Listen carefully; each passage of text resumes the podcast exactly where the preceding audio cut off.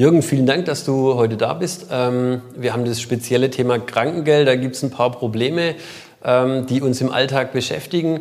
Vielleicht gehst du ganz kurz darauf ein, was ist grundsätzlich so das Recht eines gesetzlich Versicherten oder freiwillig gesetzlich Versicherten ähm, bezüglich Krankengeld? Ja, also die grundsätzliche Frage Krankengeld ist eine Lohn- oder Entgeltersatzleistung. Das heißt, wenn ich wegen Krankheit nicht mehr arbeiten kann, dann kriege ich eine gewisse Zeit erstmal Entgeltfortzahlung vom Arbeitgeber. In der Regel sind das sechs Wochen. Und anschließend äh, greift dann, wenn ich dementsprechend versichert bin, das gesetzliche Krankengeld. Ähm, egal, ob ich jetzt äh, pflichtversichert oder freiwillig versichert bin. Äh, das läuft normalerweise äh, eineinhalb Jahre, also 18 Monate.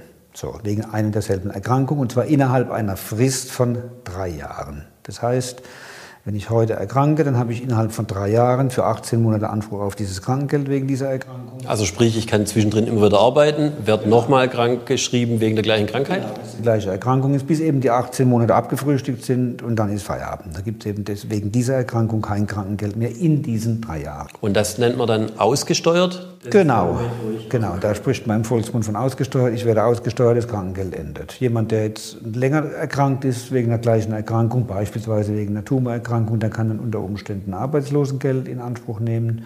Muss man im Einzelfall dann prüfen, wie die Voraussetzungen sind. Oder es kann auch in Richtung Rente gehen. Jetzt erleben wir im Alltag, dass es immer wieder schwierig ist und dass es unterschiedliche Krankenkassen gibt, die versuchen, dieses Krankengeld verfrüht zu beenden. Auf was muss ich da als ähm, Arbeitnehmer achten? Die Krankenkassen sagen jetzt, wenn jemand halt länger krank ist, wegen der gleichen Erkrankung und gewisse Voraussetzungen vorliegen, dann lassen wir prüfen, ob nicht möglicherweise Rentenansprüche da sind, die wir umsetzen können. Mit der Konsequenz, dass eben jemand aus dem Krankengeld dann rausgeht in die Zuständigkeit der Rentenversicherung. Was ja ein großes Problem ist, wenn Menschen recht jung sind und vielleicht kaum bis gar keine Rentenansprüche haben.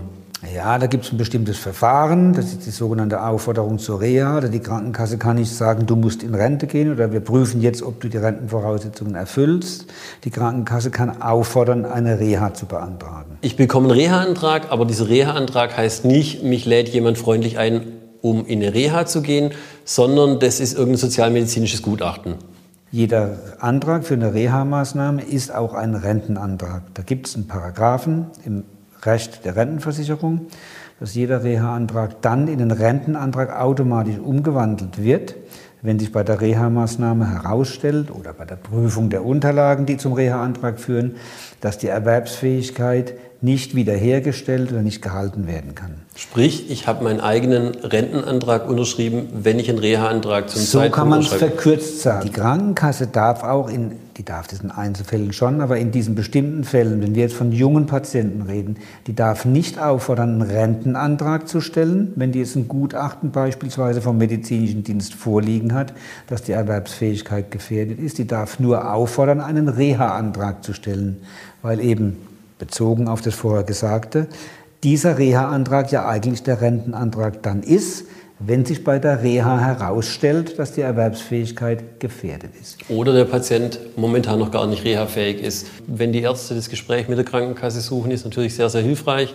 Oder aber, dass klar ist im Arztbrief, man geht davon aus, dass vielleicht in absehbarer Zeit eine berufliche Wiedereingliederung geplant ist, dass eine Reha geplant ist ähm, erleben wir häufig als, als hilfreichen Hinweis und die Kassen sehen dann teilweise von diesen Zwangsreha-Anträgen ab.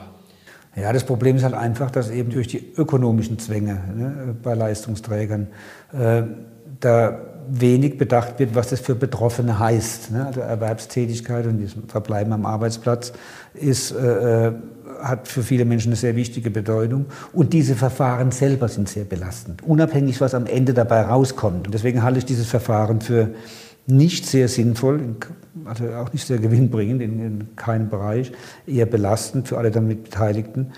Aber letztendlich ist es da, die Möglichkeit besteht, da gibt es eine Gesetzesgrundlage dafür, von daher muss man irgendwie einen Umgang damit finden. Vor allen Dingen darauf achten, dass man, äh, wenn man einen Reha-Antrag von der Krankenkasse bekommt, im Zusammenhang mit so einer Erkrankung, dass man den nicht sofort unterschreibt und losschickt, weil dann hat man das Verfahren letztendlich in Gang gebracht. Ich glaube, wichtig ist noch zu überlegen, ähm, jemand Junges, der kaum Leistungen hat, auf Rentenansprüche, da ist es eine sehr, sehr bedrohende wirtschaftliche Situation häufig. Wenn Menschen ein bisschen älter sind, kann es sein, dass die Rentenansprüche etwas höher sind, ähm, da zu schauen, mhm. was ist denn wirklich der wirtschaftliche Schaden, den ich dadurch habe. Ja. Ähm, lohnt sich da zu streiten oder lohnt sich nicht?